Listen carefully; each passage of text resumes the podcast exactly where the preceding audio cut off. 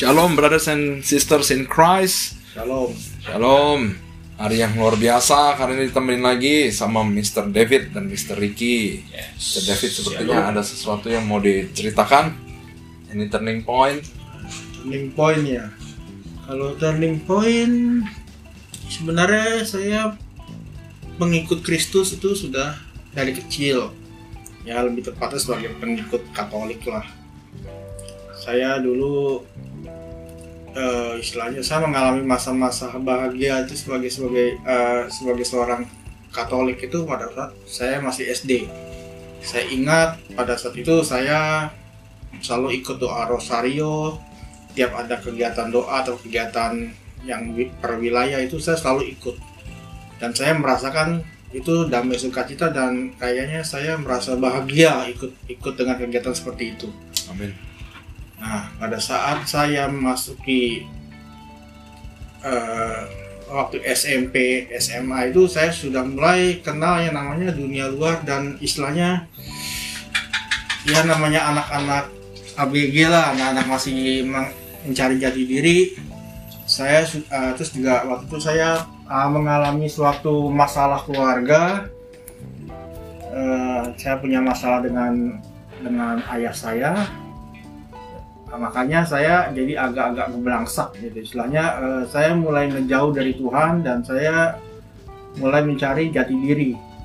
Karena saya anak tunggal jadi saya harus kayak orang dan saya juga banyak mengalami bulian gitu ya. Saya banyak dibully teman-teman saya teman-teman sekolah.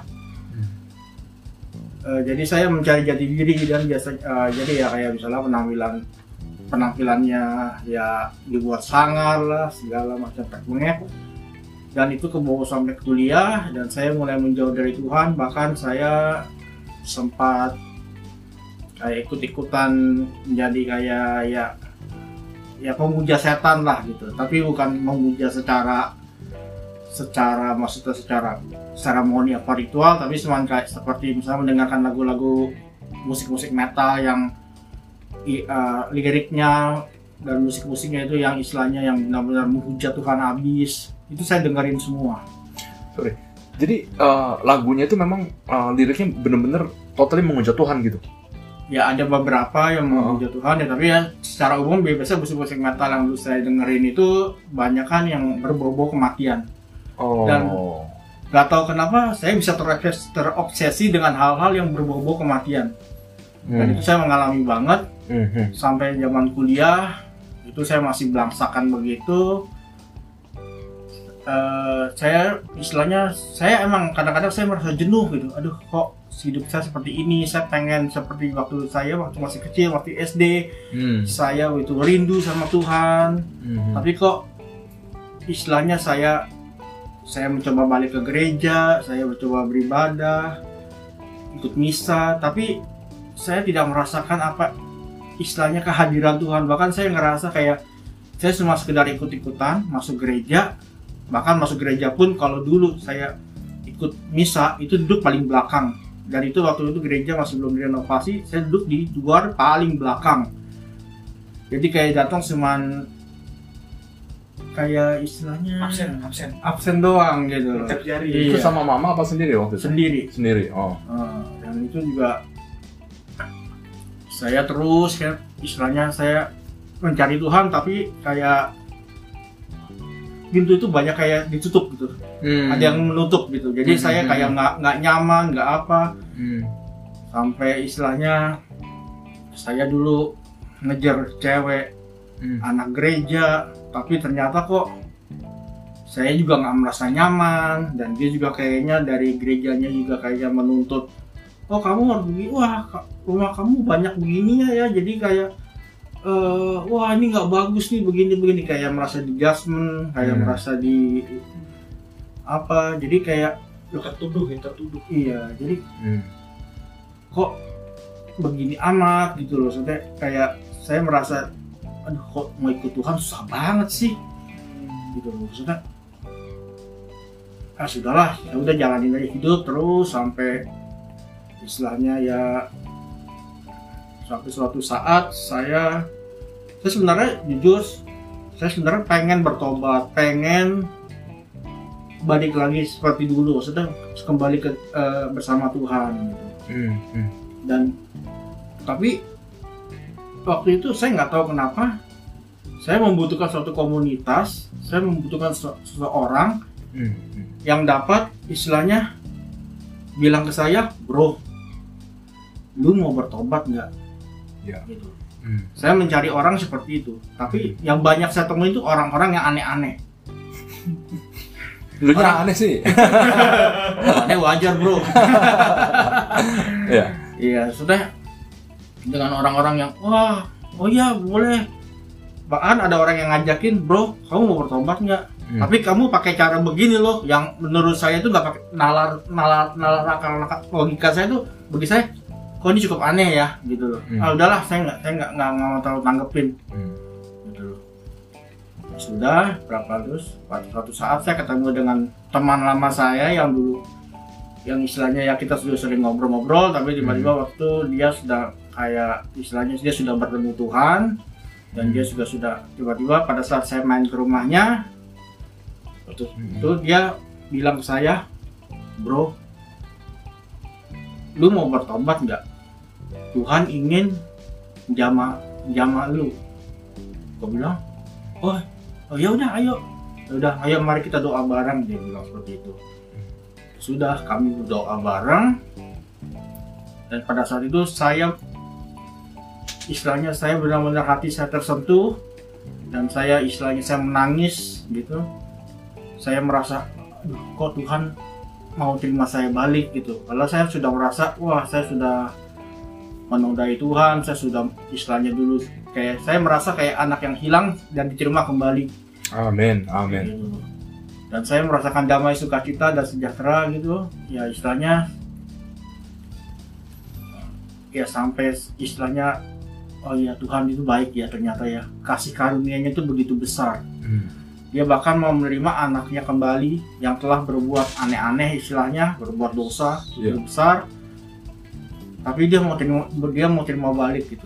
Keadaan saya apa pun keadaan saya dia mau terima saya. Yang saya udah hancur-hancuran saya sudah sampai depresi mau bunuh diri sampai istilahnya kayak hidup itu udah hopeless nothing lah istilahnya udah. Tapi Tuhan itu mau terima. Dan itu saya merasa cukup bersyukur. Dan saya istilahnya udahlah saya ini eh, istilahnya saya akan balik lagi. Saya eh, meneri- saya istilahnya menerima kembali Yesus gitu saya menjadi Kristen yang baru gitu. Eh, karena dia sudah menerima saya apa adanya dan saya juga Amin. dipertemukan oleh teman-teman komunitas yang ternyata begitu menerima dan kita mempunyai visi dan visi dan misi yang begitu sama gitu. Dan istilahnya kasih karunia Allah itu begitu besar buat kita semua. Dan Amin. Tuhan itu tidak memandang kamu itu siapa. Yang penting kamu punya iman terhadap Kristus, terhadap Yesus. Istilahnya Tuhan itu akan bersedia memulihkan kamu. Dan saya juga ngerasa, oh ya, istilahnya saya juga eh, sampai suatu titik poin, saya merasa, aduh sudahlah, saya nggak akan istilahnya saya eh, akan berbuat yang aneh-aneh lagi, istilahnya eh, dengan semacam ya kehidupan yang dulu yang saya rasa, wah ngikut setan tuh enak, wah saya bakal dapat begini ke apa ke istilahnya kenikmatan segala kenikmatan ternyata sampai istilahnya saya punya tato itu melambangkan lambang-lambang setan semua. Dan tapi saya nggak merasakan damai sejahtera. Jujur saya juga dulu sempat berpikir kenapa ya saya melakukan hal-hal bodoh seperti ini? Kenapa ya saya sampai istilahnya eh, berbuat seperti ini eh, dengan merajah tubuh dengan kelakuan yang aneh-aneh? Tapi ya itulah itulah baiknya Tuhan. Tuhan nggak melihat kamu seperti apa. Dia akan menerima kamu apa adanya walaupun kamu sebrengsek seburuk se sebagai apa se istilahnya eh, hidupmu Sekotor. seperti Oh. apa mau sekotor apa pun kamu Tuhan tetap menerima kamu dengan open arms. Itulah yang saya rasakan sampai sekarang. Dan itulah maksudnya itulah turning point saya. Eh, saya akhirnya oh ya Tuhan itu baik ya. Jadi saya eh, istilahnya saya menyadari kebaikan Tuhan. Dari dulu waktu waktu zaman saya sebelum sebelum istilahnya pada zaman saya masih menolak Tuhan itu Tuhan itu tetap baik sama saya ternyata selama ini saya baru menyadari ini sebelakang belakangan ini bahwa Tuhan itu tidak pernah meninggalkan kita sebagaimanapun buruknya kita asal kita punya hati dan kita mau berbalik kepadanya itu Tuhan itu akan tetap menerima kita welcome kita apa adanya dan Amin. ya itulah yang saya rasakan ya Amin. Beautiful. Ini uh, beberapa hal ya. Tapi gini, ini ini kan kita ada uh, untuk didengerin sama audiens juga. Iya. So kalau ada pertanyaan ini yang you nggak merasa nyaman menjawab, Hmm. boleh decline ya. Iya, iya. Jadi nggak apa-apa kalau Iya. pertanyaan ini. Gue ada pertanyaan pertama itu begini. Amin uh, waktu masih kecil kan dekat banget dengan apa uh, ke gereja bersuka cita segala Iya. macam. Ah, Sampai di satu titik terjadi uh, ketidakcocokan dengan uh, papa ya. iya saat tidak tidak kecocokan dengan papa itu kenapa bisa uh, malah memilih ke arah yang metal begitu gitu atau atau satanik or whatever it is dipanggilnya Ya, itu karena sebenarnya jujur saya waktu zaman masih kecil Hmm. dari SD pun saya sudah dibully habis-habisan bahkan saya tuh sering ya, istilahnya kayak orang selalu kayak di sih bahan bulian gitu lah ya ceng-cengin oke. habis gitu selalu itu dari dari zaman SD sampai sebenarnya SMA sampai ya kuliah juga ada tapi nggak begitulah karena mungkin kuliah gue udah serem gitu ah, maksudnya maksudnya Gue juga takut Ah, lu jangan gitu ah. Hmm. Terus ah, pada saat kenapa gue bisa berbalik seperti itu? Mungkin pada saat itu keluarga gue mengalami suatu masalah yang cukup rumit sebenarnya saya bilang.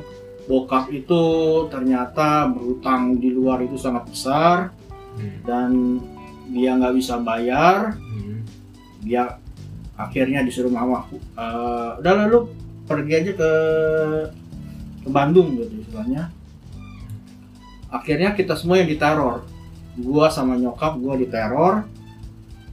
Dan yang itu yang istilahnya sempat mungkin ya, jadi masa kecil gua jadi kayak aduh ini kok begini jadinya? Jadi kayak kacau lah istilahnya ya. Jadi kayak kenapa gua bisa gua bisa berbalik ah, maksudnya berbalik dari Tuhan itu ya karena mungkin ya gitu mungkin eh, dulu mencari jati diri supaya orang nggak memandang rendah gua gua jadi agak sedikit wah gimana ya supaya gua biar tampil ekstrim gitu loh. Supaya Ya, terlihat tidak tidak mudah ditindas lagi iya.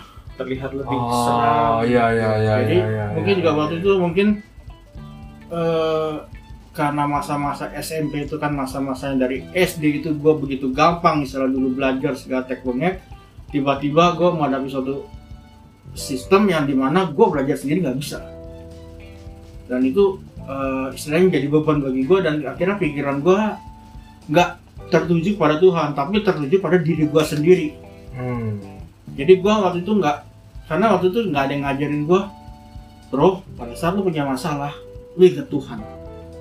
Lu harus eh, istilahnya ngasih tuh eh, istilahnya bukan ng- ngasih jadi memberikan Tuhan jadi mengingatkan. mengingatkan gua akan eh, istilahnya Tuhan akan bantu Ya, akan kita bantu di saat itu seakan gini loh. Seakan kita percaya masalah itu bisa ada, tapi seak- seakan a lot of times ya, kita nggak percaya kalau Tuhan bakal bantu kita loh. iya Sering kali kayak gitu yang kayak uh, memang Tuhan bakal datang bantu lo, gitu loh. iya Seakan tuh begitu tuh umum. iya Jadi sorry to say, memang kondisi uh, sosial di saat itu memang seperti itu dan dan dan kita uh, relying on God's glory itu banyak orang yang nggak tahu, termasuk kita sendiri di saat itu Iya. juga kita nggak tahu. ya makanya perlahan Perlahan-lahan ya. Ya kan makanya kan di saat kita Mm-mm. waktu itu kita istilahnya masih bali masih kecil gitu kita belum Iya, kita belum dewasa tahu. rohani kita tuh masih anak kecil ya kita tuh kita butuh bimbingan tapi kita bingung kita mau nyari siapa nih gitu karena nggak ada yang mengarahkan kita jujur ya kayak kita belajar agama kita belajar kita ke gereja apa kita kayak ya gimana waktu ini waktu waktu masih SD mungkin masih polos lah mungkin kita masih Hmm. bisa kayak istilahnya kita masih bisa curhat tapi pada saat kita sudah beranjak dewasa itu kita kayak udah mulai pakai out pikiran sendiri Udah mulai ada gengsi malu Nggak, tapi itu salahnya society juga. Salahnya society juga. Ka- eh, eh, apalagi jadi ada ada titik-titik di mana kalau kita udah mulai agak lebih dewasa gitu, udah mulai SMA atau udah mulai kuliah, kalau ada orang curhat tuh malah dicule-culein. ya itu itu memang sering terjadi Nah, padahal orang yang curhat itu adalah orang yang paling membutuhkan didengarkan. Kasarnya kan gitu kan. iya Jadi memang makanya society itu butuh turning point juga. Betul. Society itu perlu di mana berbicara lebih sedikit, mendengarkan lebih banyak. Dan saat ada temen yang memang mau sharing, kadang-kadang nggak usah ada solusi loh, jujur aja. ya? cukup mendengarkan Mendengarkan saja cukup. itu sudah baik gitu loh. Kalau ada solusi pun jangan dipaksakan, karena solusi kita juga bukan solusi yang belum tentu benar. Ya. Iya. Tapi minimum mendengarkan. Tapi itu terjadi dan dan uh, untuk orang yang punya masalah dengan bully kalau dia sharing di SMP atau SMA dan orang ini mengetahui kelemahan dia itu bukannya kadang-kadang bukannya malah di ini loh malah diceng-cengin loh. Iya, malah, jadi ceng-cengan. coba aja berani nggak ngomong misalnya masih jadi aib. ah, masih SMP atau SMA gitu ngomong eh gue demen sama dia loh emang ada yang malah nyomblangin kalau nggak ditikung diteriak-teriakin "Eh, si itu." iya kan Nah, iya So, I mean that's that's society. Sometimes they, they menurut mereka lucu dan segala macam, tapi ada imbasnya, ada impactnya, dan dan dan that's that's real, ya kan? That's real dan ya itu menciptakan uh, manusia-manusia yang bisa dibilang jadi lebih keras, jadi jadi menutup diri. Iya. Uh, ya impactnya ada gitu ya. Iya. dan di saat itu mungkin dia juga lagi kena problem keluarganya yang memang Of course yes, it's not a small problem. problem waktu Iya. dia ketemu teman atau sekolah problem, Problem, ya. iya I see, I see. So jadi uh, dari dari dari mulai dari saat itu sampai sekarang ya, oke, itu kan uh, kelihatan ada terjadi perubahan-perubahan ya. Iya. Nah terus gimana dengan uh, mengenai kayak uh, lagu-lagu thrash metal segala macam kayak begitu ya? Hmm. Nah itu uh, apakah misalnya ada teman-teman yang dengar lagu seperti itu Hmm. dan mereka ikut nyanyi, Hmm. apakah itu akan menjadi suatu nggak tahu itu pencucian otak atau itu worshiping apa atau itu menjadi Iya. blaspheming to God apa, yang terjadi di situ Kalau- karena saya nggak dengerin Iya. gue juga itu levelnya ketinggian gitu loh Iya. saya mentok di rock soalnya sebenarnya mendengarkan lagu-lagu rock, heavy metal dan segala itu sebenarnya ya menurut saya itu sah-sah aja. Hmm. Tapi satu, jangan diimani. Hmm. Istilahnya dengan kita ikut nyanyi lah, kita istilahnya kita jadi kayak ya kayak kita baca liriknya gitulah, apa kita Hmm. ya nggak usah lah. Kita nggak usah tahu isi liriknya apa. Kalau Hmm. menurut saya, karena isi liriknya juga nggak bagus-bagus amat menurut saya gitu loh. Saya pernah baca, Hmm. ya itu isinya cuma begini doang ya maksudnya apa sih gitu loh Hmm. tapi ya musiknya keren ya sudah Iya, iya. musiknya itu keren ya cukup lah kalau kita itu headbang apa ya goyang-goyang goyang sudah sudah tapi jangan diimani lah Sampai jangan sekarang masih headbang nih. masih kadang-kadang Masih kadang-kadang Iya. Headbang. ya, tapi, ya tapi cuma denger cuma sekedar just listening gitu cuman eh, jangan jangan jangan diimani lah musik-musik begitu gitu Ini ada ada kejadian lucu. Ini bisa dilihat di testimoni yang ketiga ya, testimoni yang ketiga yang yang uh, dari teman kita yang sempat sekolah di London. Dia ada cerita yang cukup menarik. Jadi ada satu ibu-ibu Hmm. yang ngirim selembaran mengenai kayak konser gitu. Jadi konser metal, konser rock ya semacam itu. Jadi dia untuk gereja. Konser rock Hmm, tapi gereja. hmm, Jadi anaknya dia itu sehaluan dia thrash metal begitu. hmm. Itu sampai udah piercing semua segala macam, tato semua full piercing rambut udah gimana. So dia karena suka gitu disuruh ke gereja, suruh ke mana tuh dia nggak mau anaknya itu enggak. Jadi suatu hari dibilang nih lu pergi nih konser nih, dibeli nama mamanya, udah lu pergi deh gitu. Pergi. Pulang-pulang semua piercingnya dilepas sama dia. Bawa Bible. In one night, haleluya hanya dalam satu malam. Jadi ternyata dia datang ke konser itu, konser rock, tapi worship. oke Nah ini ini, ini mungkin gitu ya, maksudnya Iya, iya. itu kan na- nadanya mungkin Yes. powerful, tapi isinya worship dan orang itu tobat one night only. Iya. Nah itu saya saya nggak tahu. Ini ini mungkin ya bisa jadi untuk penggemar penggemar rock itu ya, maksudnya mungkin kalau ada rock rock worship eh, lebih luas di dunia ini mungkin lebih gampang untuk Ya, connect ke ya. teman-teman begini. Sebenarnya ada musik rock yang eh, istilahnya kayak worship gitu ya kayak kayak dulu kalau mungkin tahu The Striper nah itu lagu-lagunya kebanyakan lagu-lagu rock-rock rohani dan ya saya juga cukup eh, mendengarkan juga sih dan itu emang isinya banyakan dari Bible banyakan ya dengarkan ngambil juga dari situ ya. Tapi ya gitu sih. Dulu saya juga sebagai penggemar heavy metal lagi masuk gereja kok musiknya nggak ada ngerok ya? Tapi ya sebenarnya ada beberapa lagu rohani yang cukup menurut saya cukup cukup menyentuh sih ya. Kalau sekarang sih tidaklah yang penting lagunya worship memuja memuja Tuhan dan Amin, haleluya. ya sudah ya istilahnya kita tersentuh Hmm. ya kita nyanyikan kita kita imani nggak apa-apa tapi kalau lagu-lagu yang aneh-aneh Hmm.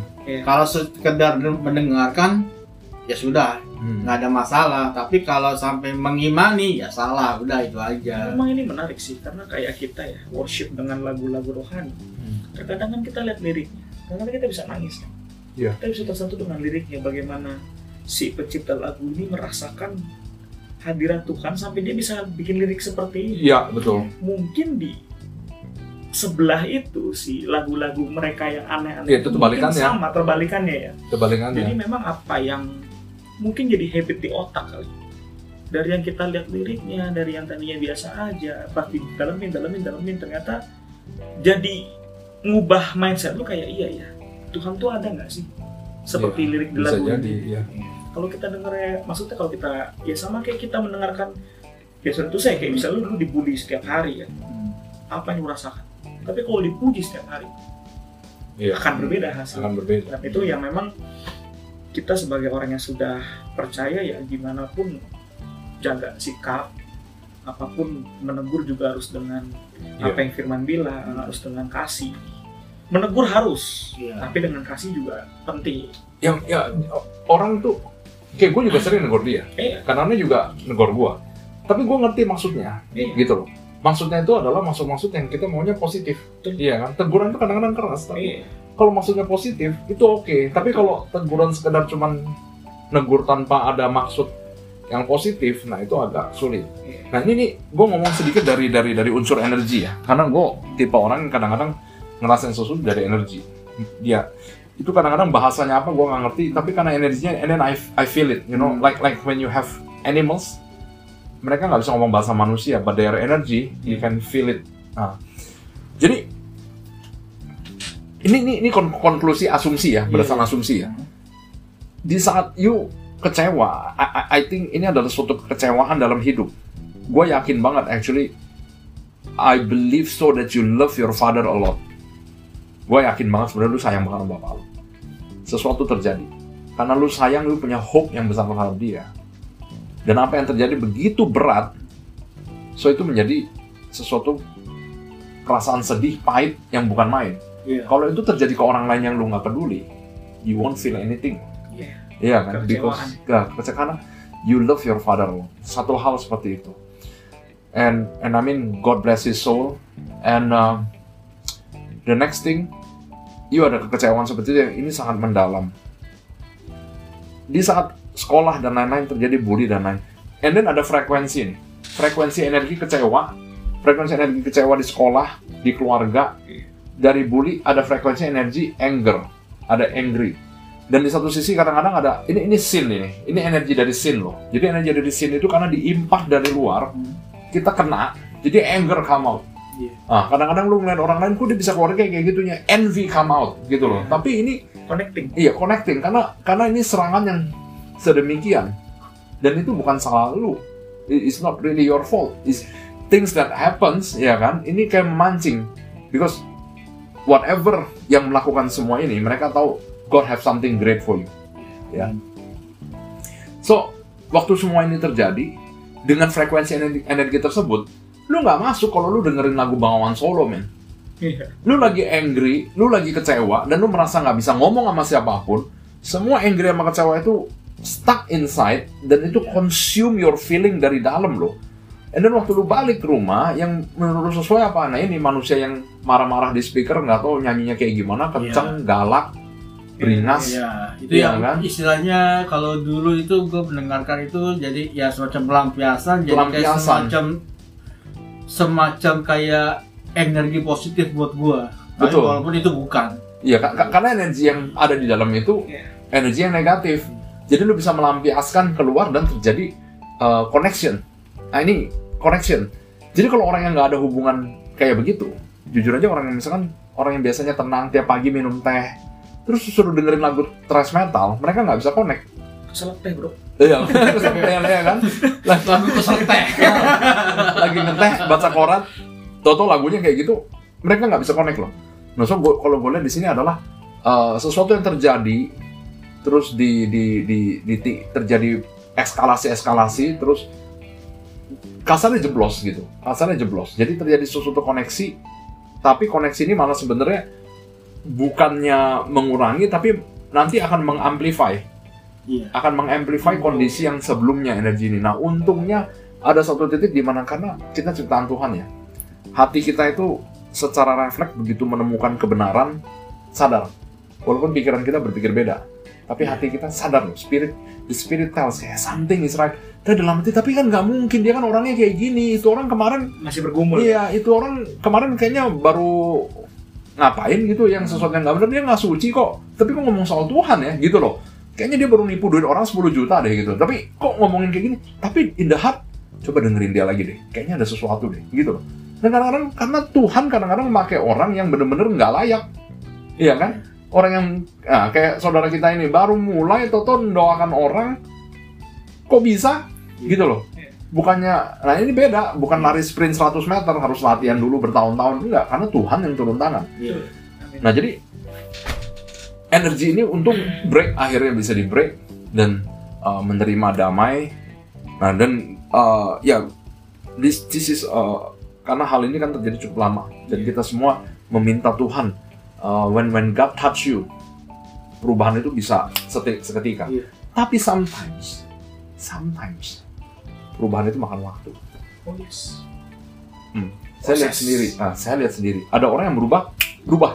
Ada orang yang makan waktu Tuhan mengajarkan dia step by step by step by step nah mungkin ada orang tertentu ini yang Tuhan merasa kayak malam ini juga kamu berubah besok kamu pergi dan berkarya tapi ada orang tertentu yang kayak kamu udah kenal saya kan besok kita latihan jalan kaki yuk lusa kita naik sepeda yuk gitu loh Nah, nanti baru kalian nyetir mobil, nanti baru nyetir pesawat terbang.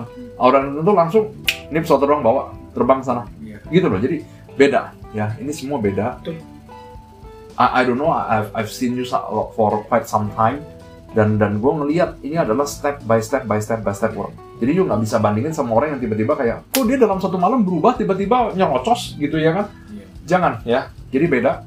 Dan dan it's, it's very powerful untuk melihat bagaimana ini bergerak dari sesuatu yang sedemikian tahun di dalam diri lu terus sekarang terjadi benih-benih Roh Kudus ya itu tumbuh dalam diri kita.